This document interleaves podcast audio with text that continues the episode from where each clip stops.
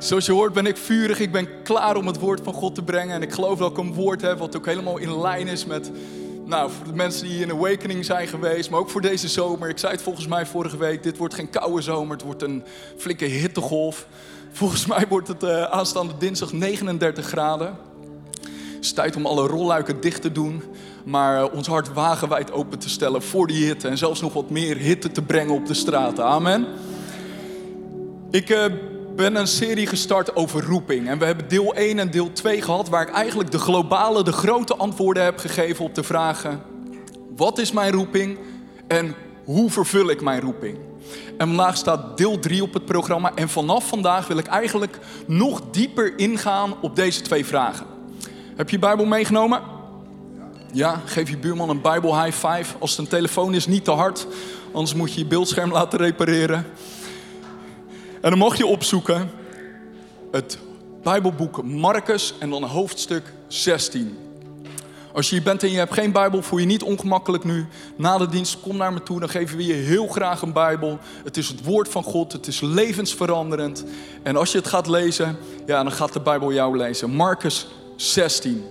Dit is het laatste hoofdstuk van Marcus. En Marcus is is de schrijver van dit evangelie. Marcus was een van de discipelen van Jezus en hij schreef eigenlijk al zijn ervaringen op die hij met Jezus meemaakte gedurende de bediening van Jezus.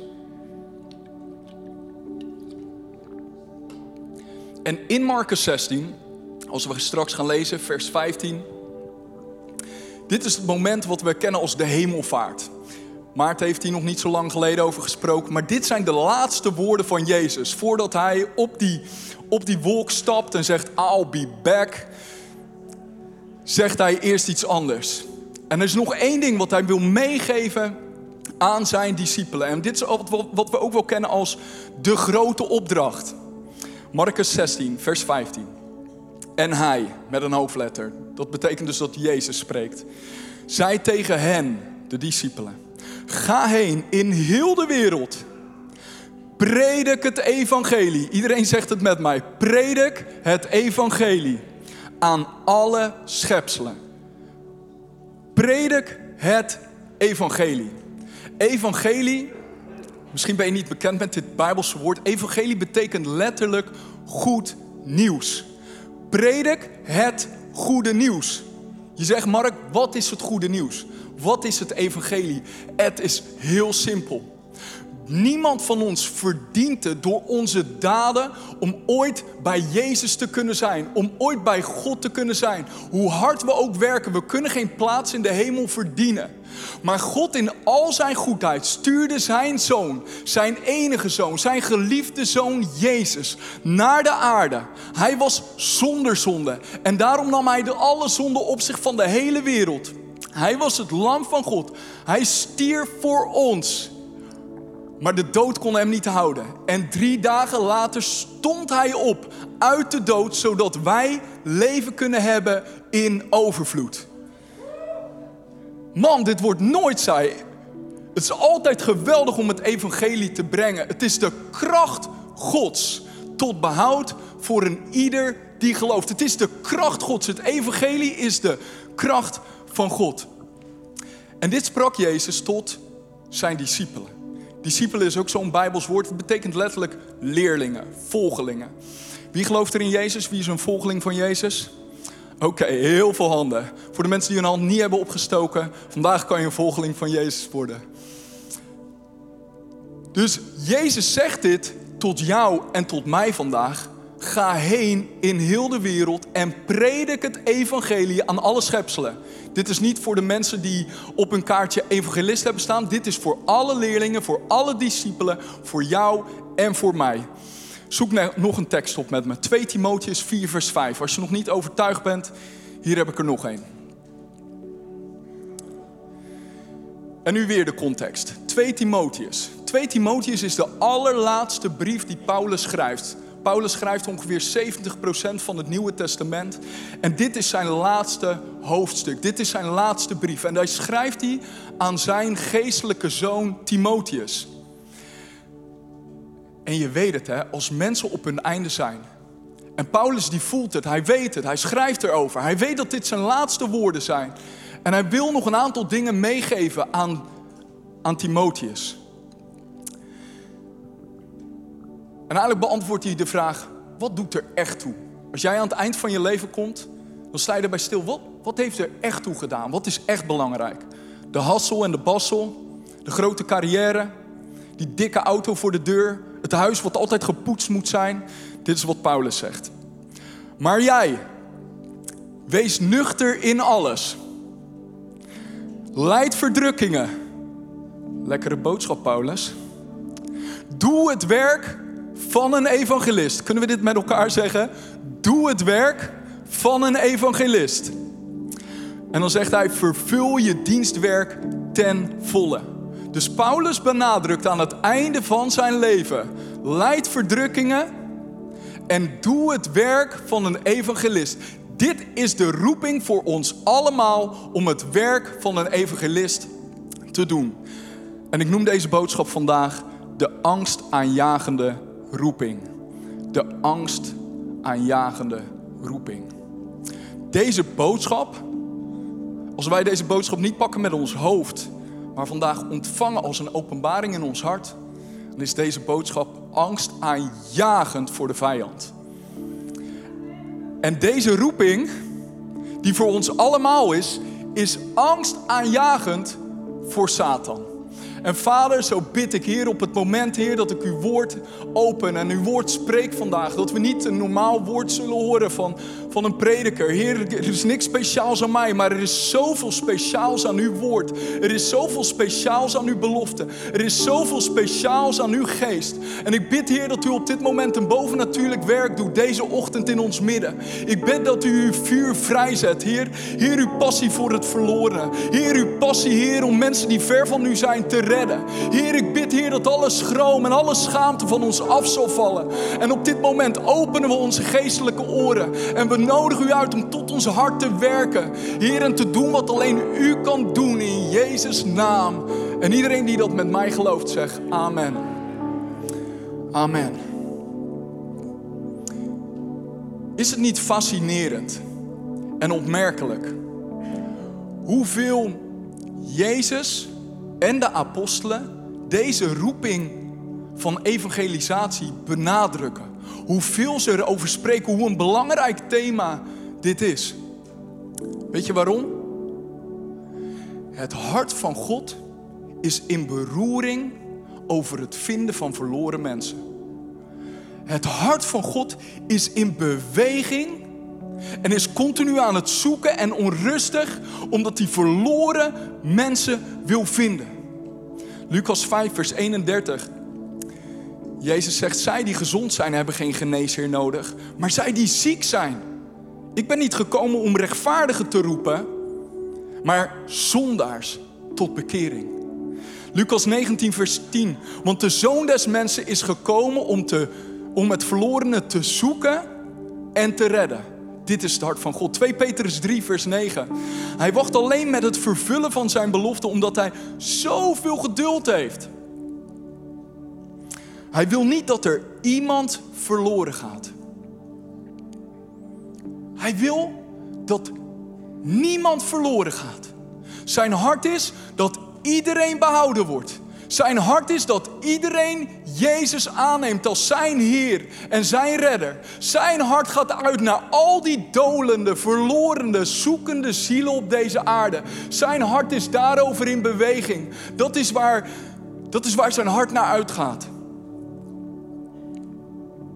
Hij wil dat alle mensen tot bekering komen. Weet je wat het hart van God het meeste verblijdt? Het meeste? Als verloren mensen gevonden worden. Weet je wat jij en ik kunnen doen om het hart van God het meest te raken en Hem het meest te verblijden? Door verloren mensen te brengen bij Jezus.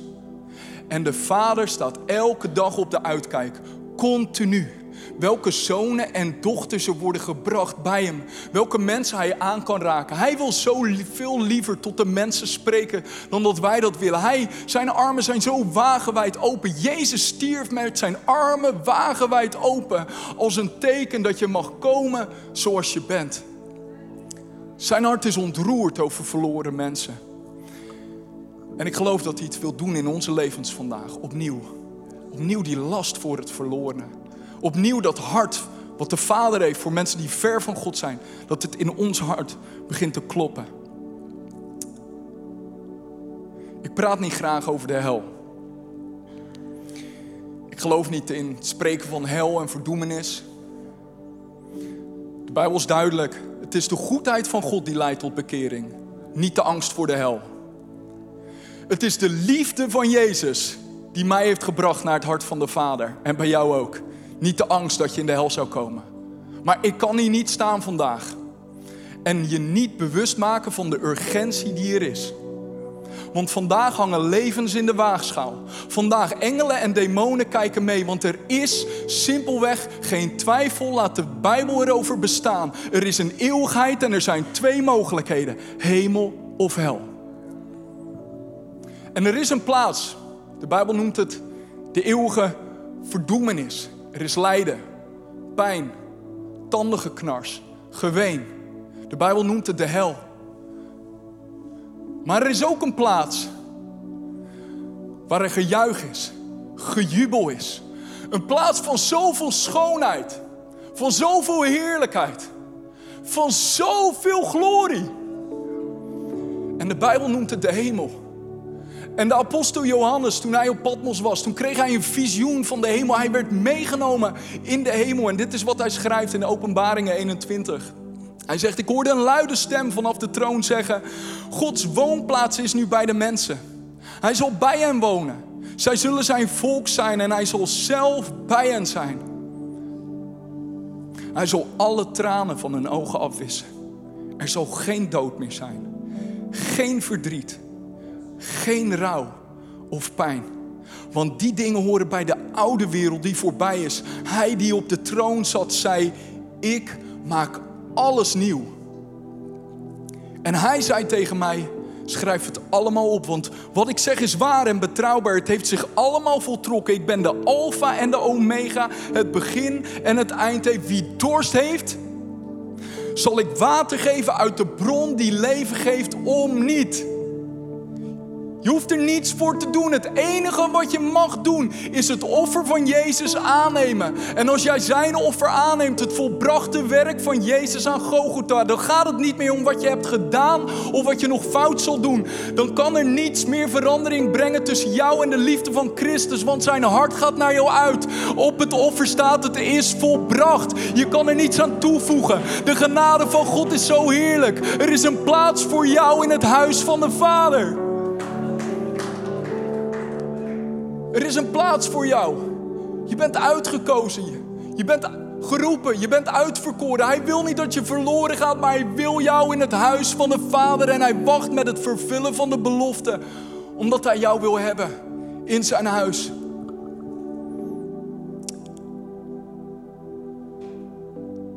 Als wij dit geloven, als wij het werk doen van een evangelist, dan maken wij een eeuwig verschil in, in de levens van mensen. Een eeuwig verschil.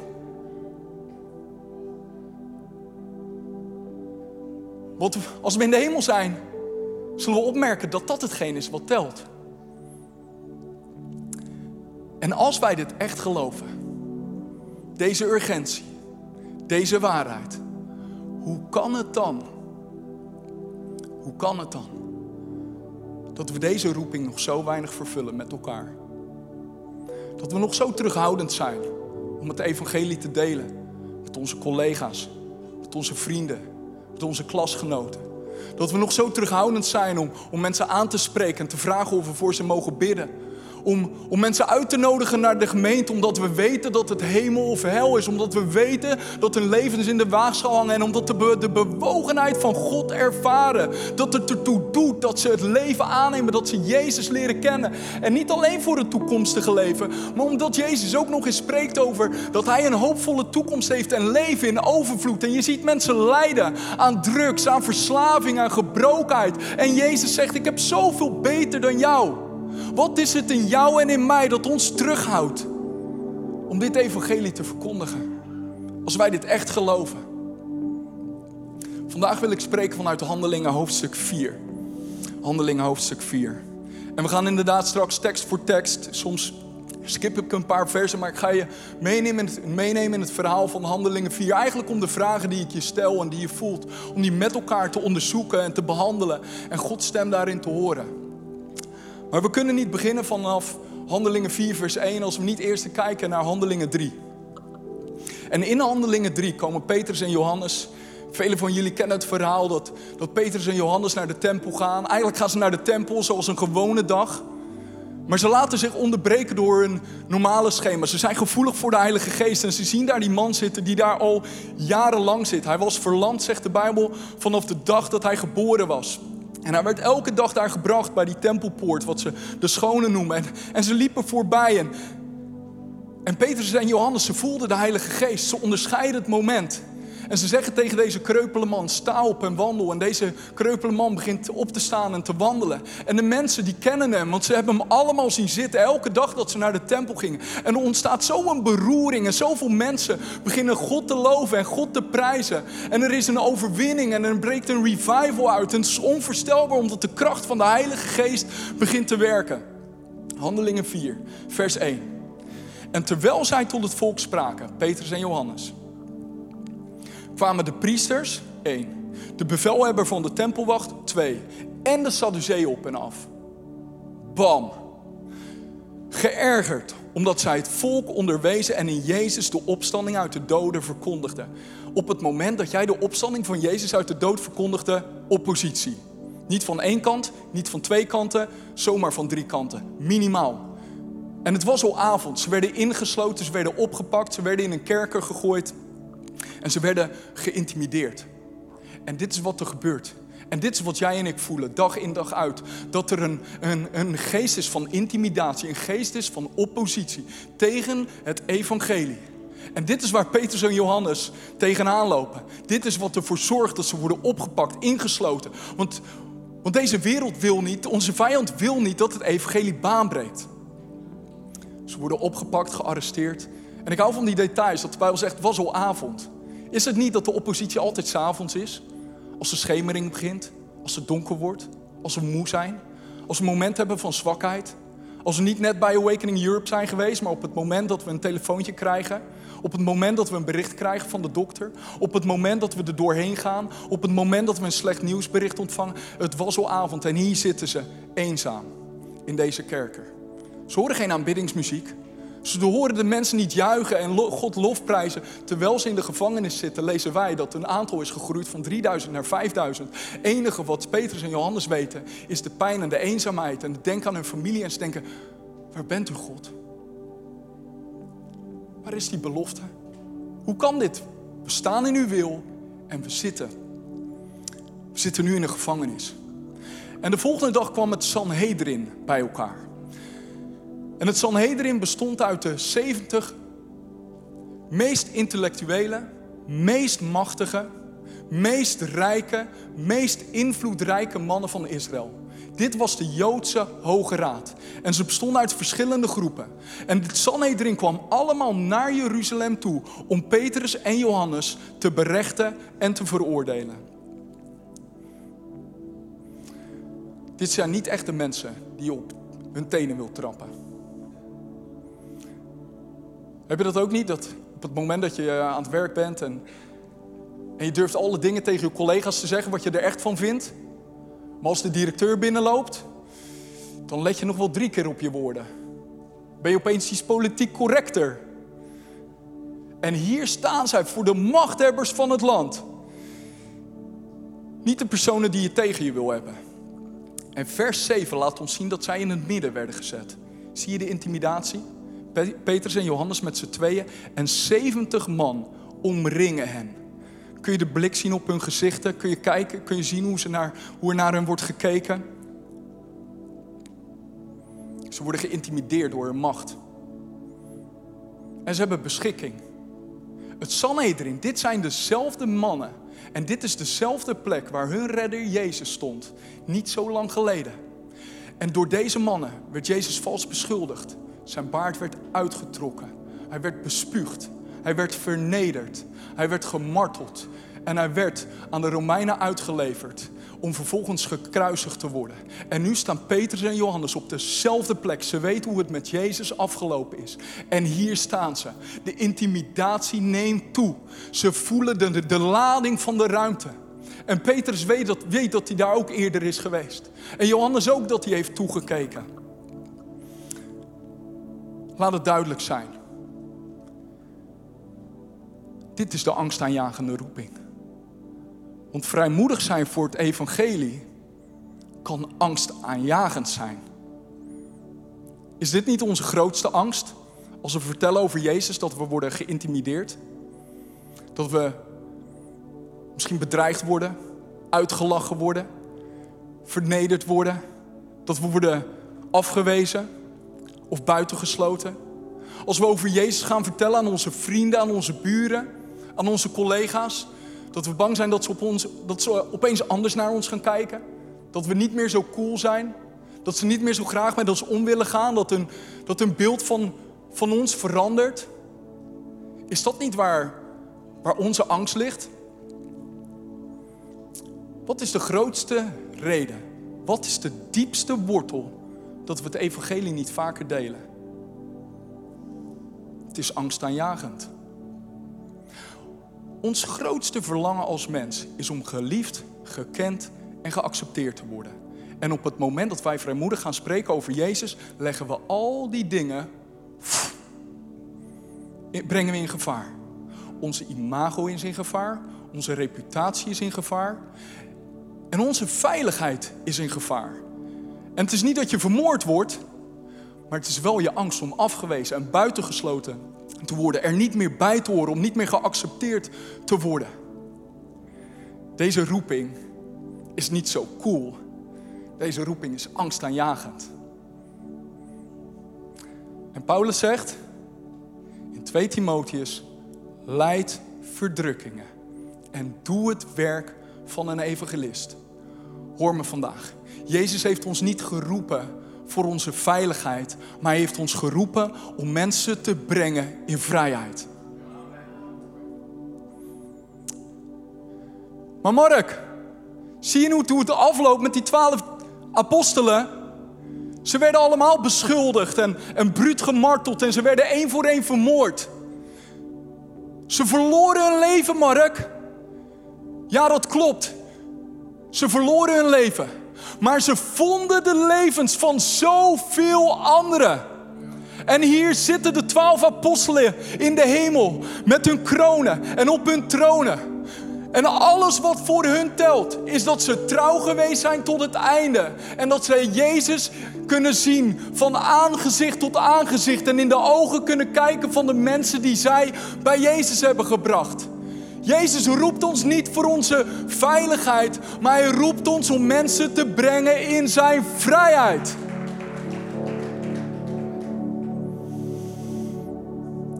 Dit is het hart van Jezus. Handelingen 4, vers 7. Ik ga weer lezen. En toen zij hen in het midden hadden doen staan, vroegen zij: Door welke kracht of door welke naam hebt u dit gedaan? Toen zei Petrus: Weet je wel, ze proberen hem in de val te lokken. En nu komt Petrus. En hier krijg je gelijk de sleutel. Vervuld met de Heilige Geest, zei hij tegen hen: Leiders van het volk en oudsten van Israël. Wanneer wij vandaag ondervraagd worden over de weldaad aan een zieke man bewezen, waardoor hij gezond geworden is, Laat het dan bij u allen en bij heel het volk Israël bekend zijn dat door de naam van Jezus Christus, de Nazarener, die u gekruisigd hebt, maar die God uit de doden opgewekt heeft, dat door hem deze man hier gezond voor u staat. Bam! 70 man op hem heen. Hij gaat niet in de, in de defense, hij gaat vol in de aanval. Hij brengt het, het evangelie niet een beetje zo van, uh, bam! Hij predikt het evangelie zoals het is. Het gaat om Jezus en die gekruisigd is. En die jullie hebben gekruisigd en die jullie hebben beschuldigd op deze plek. Dat door hem deze man hier gezond voor u staat. Deze Jezus is de steen die door u, de bouwers, veracht werd. Maar die de hoeksteen geworden is. Oftewel, Als jij je leven wil bouwen op een manier dat het niet instort, bouw je leven op de hoeksteen Jezus. En de zaligheid, oftewel de verlossing, de redding, is in geen ander. In niemand anders.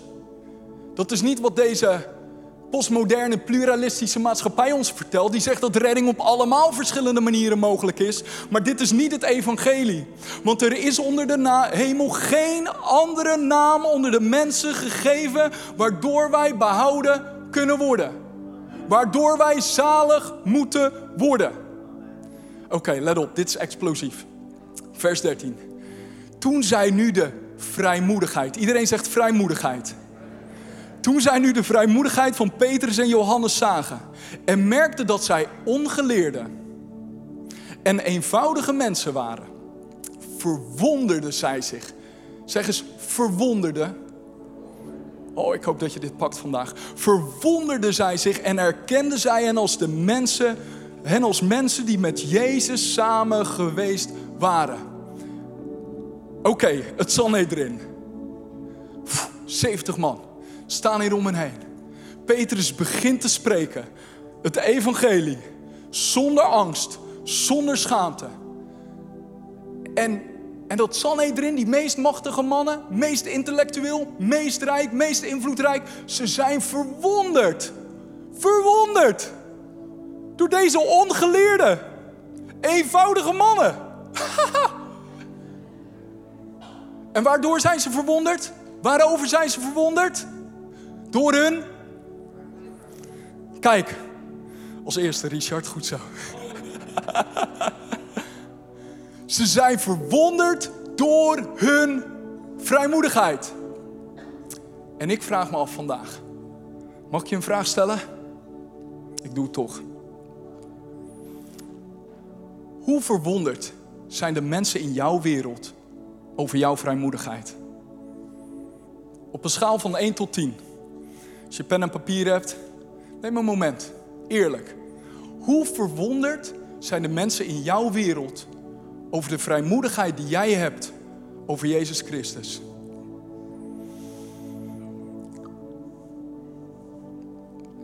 Weet je klasgenoten dat je in Jezus gelooft? Weet je collega's dat je van Jezus houdt? Dat je naar de kerk gaat? Wat is de laatste keer geweest dat je het evangelie hebt gedeeld? Wanneer deel je je getuigenis over wie God is voor jou, wat Hij heeft gedaan in jouw leven? Wat is de laatste keer geweest dat je iemand naar de kerk hebt meegenomen? Hoe verwonderd zijn de mensen in jouw wereld over jouw vrijmoedigheid voor het evangelie en over de naam van Jezus? Kan ik eerlijk zijn vandaag? Mijn cijfer kan hoger. Ik ben niet tevreden met waar ik sta vandaag. Er zijn zoveel kansen die ik mis. Die ik heb gemist. Zoveel momenten dat ik bij mijn barbier zit. En hij vraagt, wat ga je doen van het weekend? Waarom vertel ik niet als eerste de dingen die ik ga doen met God? Of die collega, wat heb je gedaan van het weekend? En ik denk, oh, als ik er weer over begin, ik zie het al als een non-verbale uitdrukking. Hij wil er niks van te horen, wil er niks mee te maken hebben. En wat doe ik? Vertel niet de dingen van God. Maar ik wil meer zijn als Petrus, man. Ik wil gekenmerkt worden door vrijmoedigheid. Dat is mijn gebed. Het is mijn verlangen. Je zegt Petrus. Petrus, is dat. Is dat die Petrus? Hè? Is dat diezelfde Petrus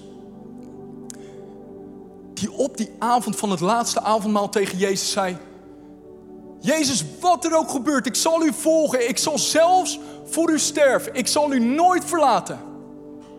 Is dat die Petrus? Is dat die Petrus die diezelfde nacht dat Jezus wordt opgepakt en beschuldigd en de volgende dag wordt gekruist. Is dat die Petrus die Jezus die, die, die nacht drie keer verlogend en zegt dat hij Jezus niet kent?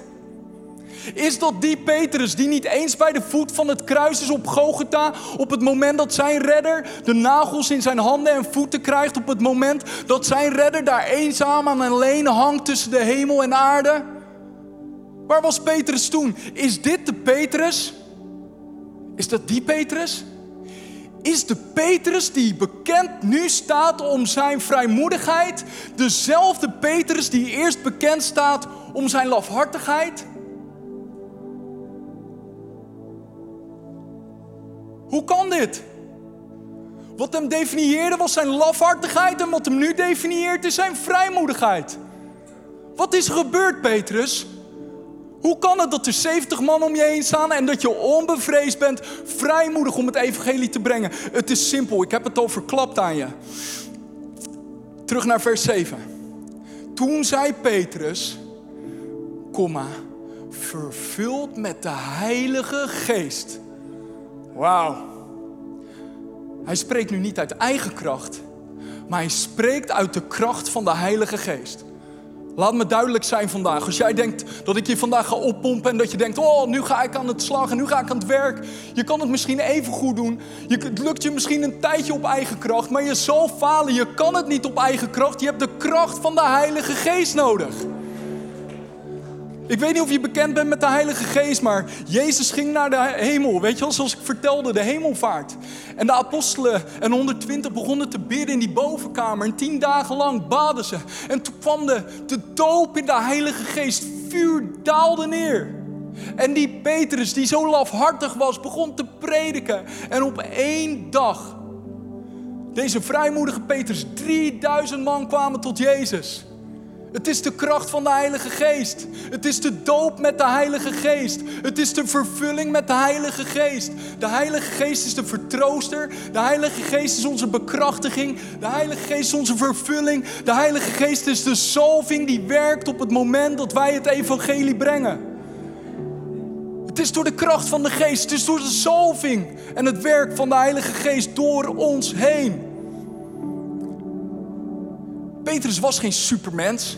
Hij was geen speciale heilige met een hele om hoofd. Nee, hij was een eenvoudige, gewone, ongeleerde man. Iemand waar ik mezelf mee kan identificeren. Er was niets speciaals aan Petrus. Er was iets speciaals aan de keuze die hij maakte en de toewijding die hij maakte. Dat te midden van al zijn gebrokenheid, dat te midden van dat hij Jezus had verlaten, dat hij zich opnieuw keerde tot Jezus, zijn leven opnieuw overgaf aan hem. En dat hij vervuld werd met de Heilige Geest. Dat hij tien dagen lang bad en zei: Ik wil niets liever, Jezus, dan de Heilige Geest, want ik kan het niet alleen. Ik heb uw kracht nodig. Ik heb uw kracht nodig. Paulus zegt in 2 Timotheus 1 voor 7, mist het niet. God heeft ons geen geest van angst, van lafhartigheid gegeven, maar een geest van kracht, van liefde en van zelfbeheersing. Weet je wat de intimidatie van de wereld doet? Weet je wat onze menselijke natuur doet? Het geest van angst. Door intimidatie komt er een geest van angst op ons. En leven wij vanuit een geest van angst. En hier is Paulus, die zegt in zijn laatste brief aan Timotheus: God heeft ons niet gegeven een geest van lafhartigheid. God heeft ons niet gegeven een geest van schroom. God heeft ons niet gegeven een, een geest van timiditeit, als dat een woord is. Maar God heeft ons gegeven een geest van kracht, van liefde en van zelfbeheersing. Een geest van kracht. Weet je welk Griekse woord hier staat? Dynamis. Waar komt dat vandaan? Ons woord dynamiet.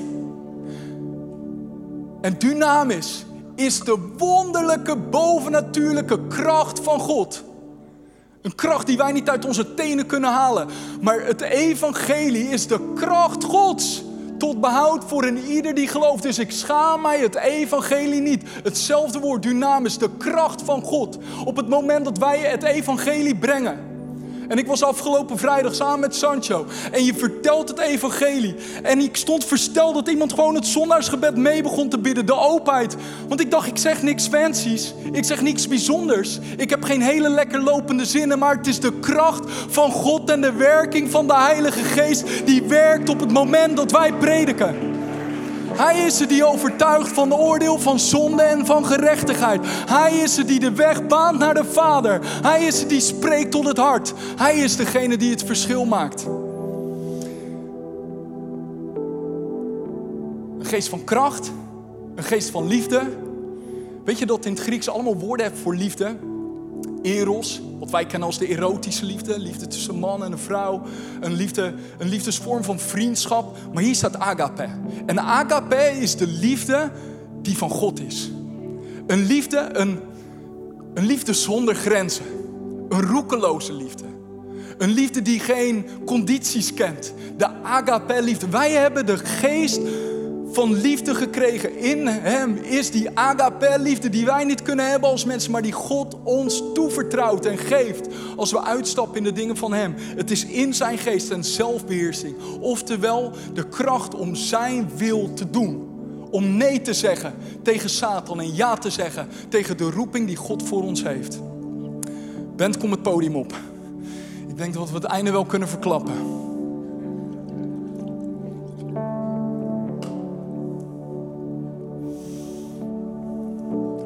Gebeurt er nadat Petrus heeft gesproken? Nu zijn ze sprakeloos. De aanklagers zijn sprakeloos. Ze beginnen zich terug te trekken, ze beginnen te overleggen. We kunnen niks doen. Nee, we, we hebben niks tegen ze. We hebben geen aanklacht. Wat kunnen ze wel doen? Satan heeft ook geen aanklacht, wist je dat? Je bent onder het bloed van het lam.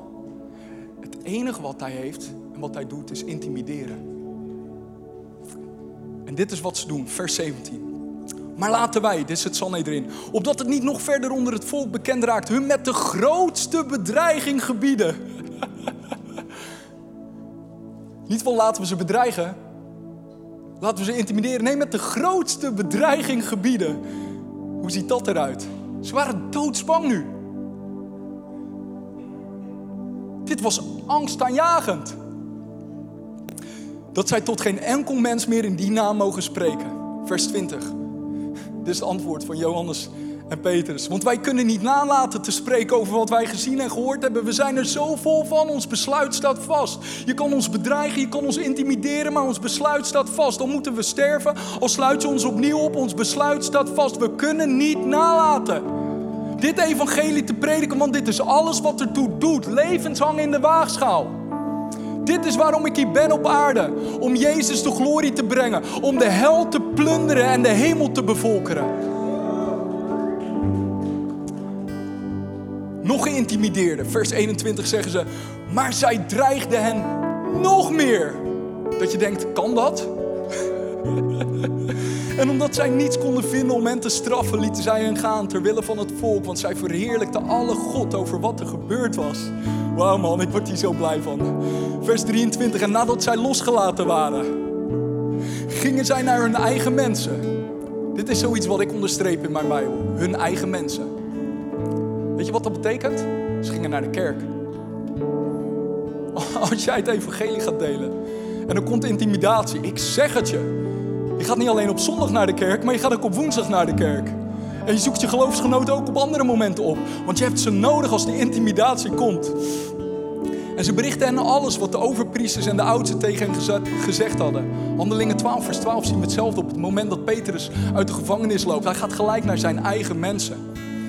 De kerk is de plaats waar je kan getuigen, waar je geloof opbouwt. De plaats waar je kan huilen, waar je door je moeite kan delen. De plaats waar je wordt opgebouwd, waar je opnieuw vervuld wordt met de Heilige Geest. In plaats van herstel en veiligheid en toerusting. Vers 24. En toen zij dat gehoord hadden. Dit is zo mooi. Ik onderstreep het weer. Verhieven zij eensgezind hun stem. Wauw. Wat voor kerk is dit, man? Tot God. Ze begonnen direct te prijzen. Ze begonnen direct te bidden.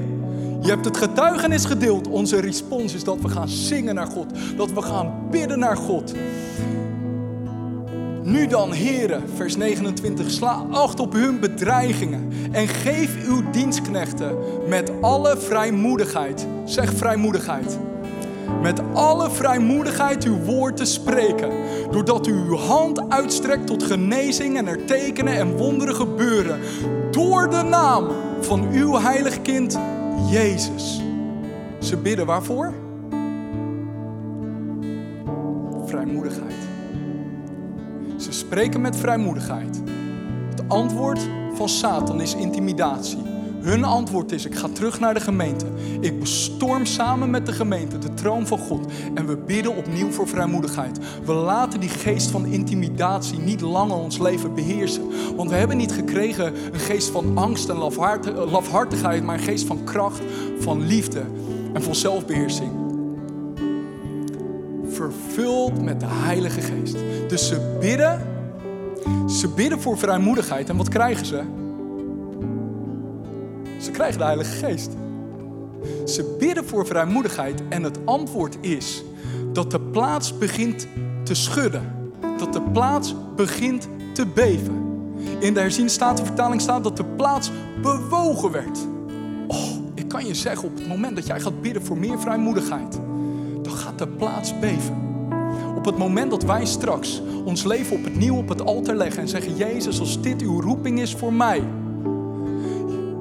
Heilige Geest, ik heb u nodig. Geef mij vrijmoedigheid. Ik kan je zeggen, de grond begint te schudden en te beven. Want er is niets liever wat de Heilige Geest wil doen dan jouw vrijmoedigheid geven.